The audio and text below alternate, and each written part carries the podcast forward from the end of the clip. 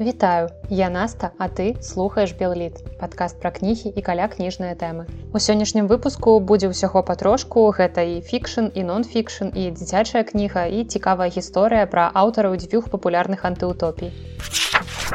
Пісьменнік і мастак Артур клінуў выдаў ужо тры раманы гэта шалом у 2010 годзе шклатару ў 2013 і локіса ў 2020 і пра апошні сёння і пойдзе гаворка кніга выйшла летась у выдавестве лохвіну Дарэчы можна падказаць клінаву як і расійскаму рэжысёру быкаву што называць свае творы можна не толькі адным словам бо ў таго таксама дурак стораж завод маёр што гэта такое гэта несур'ёзна Але гэта ўсё жартачкі і праўда гэтых жартачкаў таксама хапае ў новым рамане клінава бо ён сапраўды смешны як і іншыя яго кнігі беручы якія я дакладна ўпэўненая што правяду час з усмешкай на вуснах.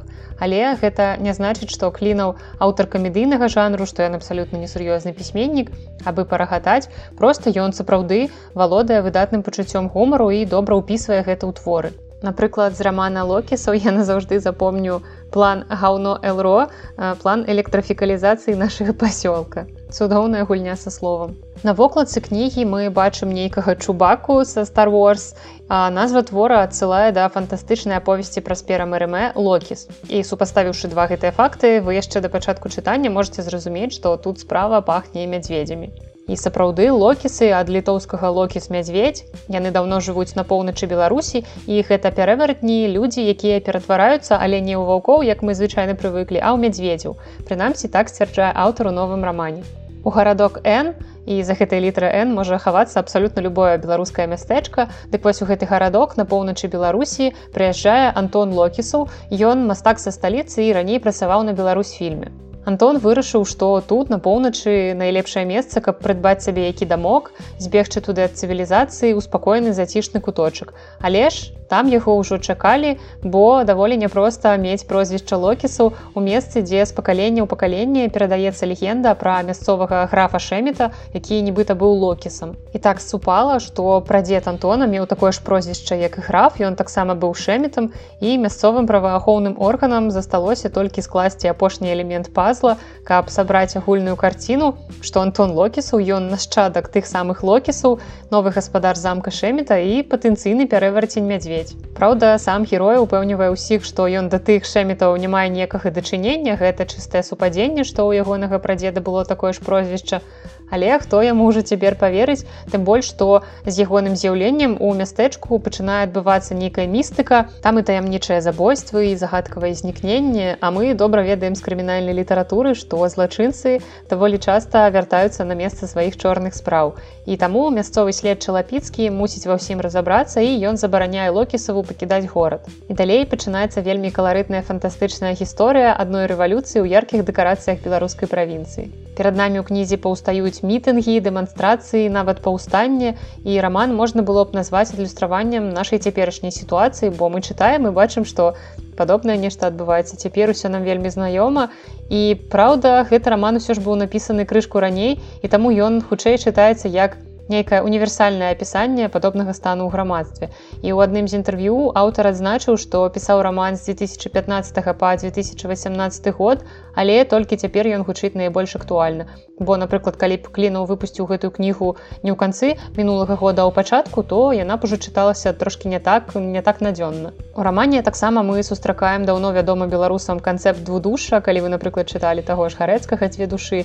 І гэтая двудуша гэта галоўная асаблівасць нашага нацыянальнага характару і герою творы локісаў спрабуе зразумець хто ён такі і раптам высвятляе што ягоная ідэнтычнасць падвойная і ён неяк спрабуе жыцца з гэтай новай роллю і замест таго каб сапраўды схавацца ў вёсцы ён выпадкова гэту вёску ажыўляе прымушае варушыцца яе і вы ўбачыце што там адбылося як ён стаў на чале рэвалюцыі адной Раман таксама можна назваць гімнам беларускай поўначы, бо галоўны герой шмат разважае, чаму менавіта гэтую мясцовасць ён набраў для сваіх уцёкаў. Там і прырода, і атмасфернасць і культура і тут аб'ядналася ўсё, што яго прываблівае. І таму гэтая кніга, як мне здаецца, гэта такі добры прэтэндэнт на сёлетнюю прэмію гідройца. Яна актуальная, надзённая, смешная і прынамсі я не здзіўлюся, калі я пабачу гэтую кнігу ў шорт-лісце прэміі гідройца.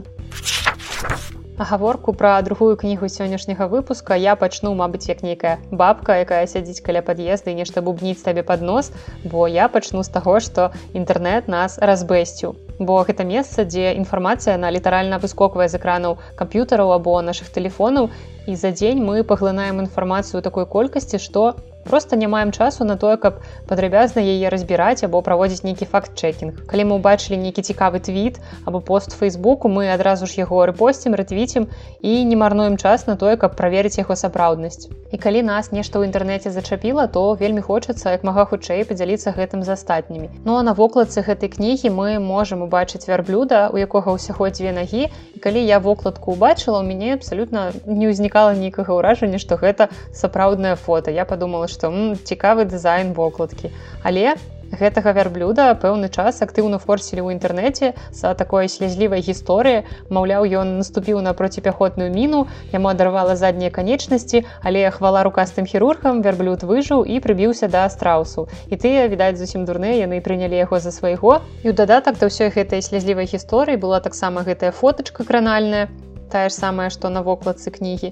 І гэты прыклад паказвае чаму падобныя гісторыі становяцца папулярнымі бо яны ўздзейнічаюць на нашы эмоцыі. А ў гэтым плане мы такія істоты якіх даволі лёгка развесці бо нам паказваюць нейкую ерась але калі яна вельмі кранальная калі яна нас чапляе мы рады ў яе поверыць бо пагадзіцеся што гэта прыгожая гісторыя пра верблюда які практычна ветэран вайны і гэты факт ён выбіваецца з нашай паўсядзённасці таму і прыцягвае нашу увагу і тут я зразумела што дагэтуль не сказала вам як гэтая кніга называется і гэта кніга максімальны репост. Как соцсети заставляют нас верить фейкавым новостям выйшла на выдавестве альпіна паблішеру 2018 годзе а напісаў яе расійскі навуковы журналіст барыслаў козлоўскі а напісаў ён кнігу про нас з вами не пра нейкіх дурня ў шапачках з фольгі якія цікавяцца тэорыяй змовы а пра простых людзей якія часам давяраюць абсалютнай лухце якую пішуць у інтэрнэце просто таму што ім ляноты яе пераправерыць упэўненая што вы як і я не раз сустракалі прыстойнага добра апранутага чалавека з прыемным маўленнем з добрай адукацыяй вышэйшай адукацыі але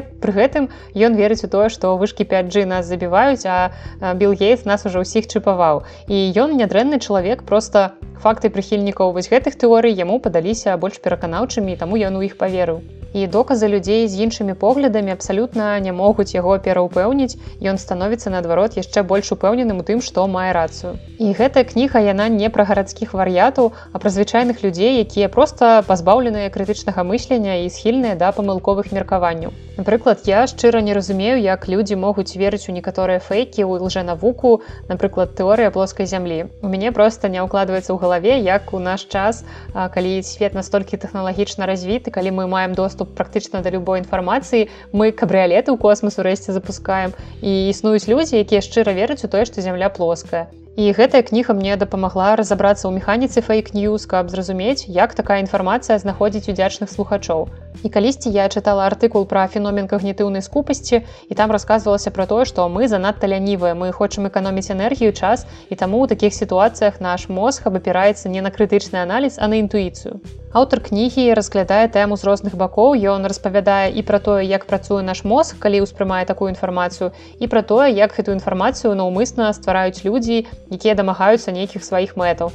І думаю што для жыхароў беларусі цяпер гэта даволі актуальная кніга бо ў нас ёсць агульная бяда. Гэта тыя самыя дзяржаўныя тэлеканалы для якіх на мітынах зноў прыйшлі тры наркаманы дзве прастытуткі і дзеці і натоў беспрацоўных. Мне вельмі спадабалася структура гэтай кнігі. Там кожнаму раздзелу папярэднічае цікавы літаратурны эпіграф а заканчвае главу кароткі зместу які тэзісна вынесены асноўныя моманты. Я вельмі люблю пісаць канспекты так што тут мой унутраны перфекцыяніст просто радаваўся вельмі. І ў канцы нават ёсць спіс літаратуры і гэта дадае кнізе важнасці. І да таго ж гэта ўсё павялічвае мой спіс хочу прачытаць. Есть у гэтай кнізе і мінус. Яна надта хутка заканчваецца ў ёй няма 200 сторонак а калі прыбраць кароткі змест кожнай главы і спіс літаратуры то застаецца ўвогуле каля 150 і ўсё ж кнігу я горача рэкамендую бо мы живвём у такі час калі яна на жаль вельмі актуальная І трэцяя кніга ў сённяшнім выпуску дзіцячая і з яе дапамогай вы зможаце вярнуцца ў дзяцінства за 32 старонкі. Гэта кніга Яміна, якая выйшла ў 2020 годзе ў выдавестве коска ў перакладзе са шведскай мовы Надзі Кандрусевич. Дарэчы, у 2018 годзе ў Швецыі Яміна стала найлепшай кнігай для дзяцей.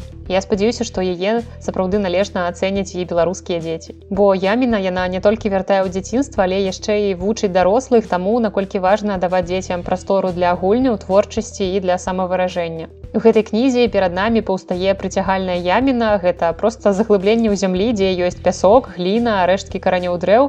І звычайна у дзяцей даволі добрая фантазія і нават калі побач няма дыснейлендаў ці нейкіх іншых паркаў атракцыёну, то яны могуць зрабіць іх літаральна з нічога. Я думаю, што кожны можа ўспомніць са свайго дзяцінства нейкае падобнае да гэтай яміны месца месца магло быць абсалютна непрывабным і бацькі заўжды пужаліся калі вы там гулялі бо яны не разумелі што вас там прываблівае. І менавіта гэта здарылася з ямінай каля школы. Яна была абсалютна простай ямінай і яна стала для дзяцей найлепшым месцам гульню у ёй можна было бегаць скакаць поўзаць і нават катацца з гары. А для бацькоў яміна стала найстрашнейшай пагрозай. і І абсалютна няважна, што дзеці разбіваюць насы дома ці ў будынку школы, а з яміны яны выходзяць цэлымі і шчаслівымі і хіба што трошкі бруднымі. І ўсё роўна для іх гэтае месца гэта страшная небяспека ў вачах бацькоў, бо яны проста не разумеюць, што ў ёй цікавага і як там можна гуляць. І ясна, што ўсё незразумелае, невядомае ў вачах бацькоў аўтаматычна становіцца вялікай пагрозай. І на жаль, даволі часта бацькі ставяць бяспеку дзяцей нашмат вышэй за іх магчымасць даследаваць і спасцігаць свет. Яны абмяжоўваюць дзяцей, яны не даюць ім адкрываць нешта новае. Але ж дзіцячая фантазія сапраўды гэта вельмі класная рэч, неверагодная, яна здольная ствараць цэлыя сусветы з пустога месца. І перакладчык Сергей Матырка, калі пісаў сваім нстаграме пра гэтую кнігу, нагадаў мне пра тое, як мы ў дзяцінстве рабілі лялек з палкі і дзьмухаўца. Трэба было ўзяць простую роўную палку, насадзіць на яе мухавец, сцябло якога трэба было так пэўным чынам закруціць, каб гэта атрымалася як кучаравыя валасы. І ў нас была лялька і не горш за ляльку барбі. Кніга паказвае, што не варта недаацэньваць дзяцей, бо калі прыбраць адно з іх месцаў для гульняў, то яны лёгка знойдуць новае.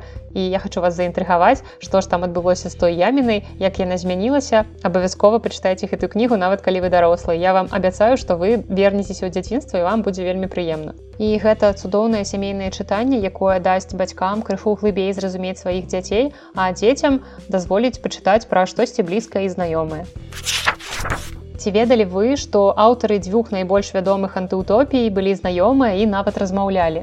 Ангельскі пісьменнік Олдас Хакслі на працягу года выкладаў французскую мову ў ітане, а іншы ангельскі пісьменнік Джордж Оруэл быў яго вучнем. Студэнты запомнілі Хакслі як некампетэнтнага настаўніка, але Оруэл адзначаў, што той выдатна валодаў мовай. І калі Оруэл напісаў сваю знакамітую антыутопію 1984, то вядома ж адразу яе адправіў былому настаўніку. І ў адказ ён атрымаў ад Хакслі ліст, у якім той назваў раман вельмі важным. І з аднаго боку здаецца, што ў лісце Хакслі хваліў Оруэла, але з іншага боку мы ведаем, што Хакслі таксама напісаў сваю антыутопію, гэта раман Brave New World.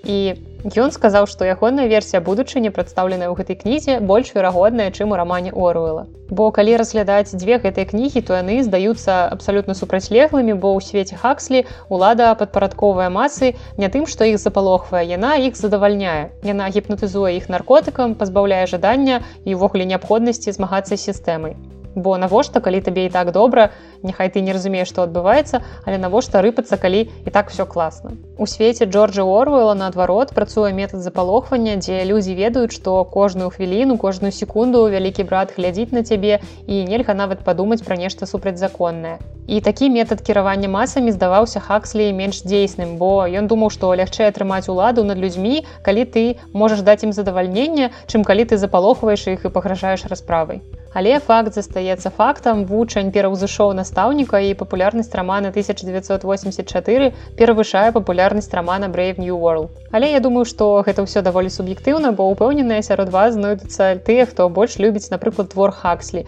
а знойдуцца тыя, хто дакладна ведае, як я, што найлепшая ў свеце антыутопія гэта мы замяціна. А пачытаць Оруэла па-беларуску можна дзякуючы выдавеству Янушкевічу, якім летась выйшла гэтая кніга ў перакладзе Сергея шупы. І спасылка на пакупку кнігі знойдзецца ў апісанні да гэтага выпуска.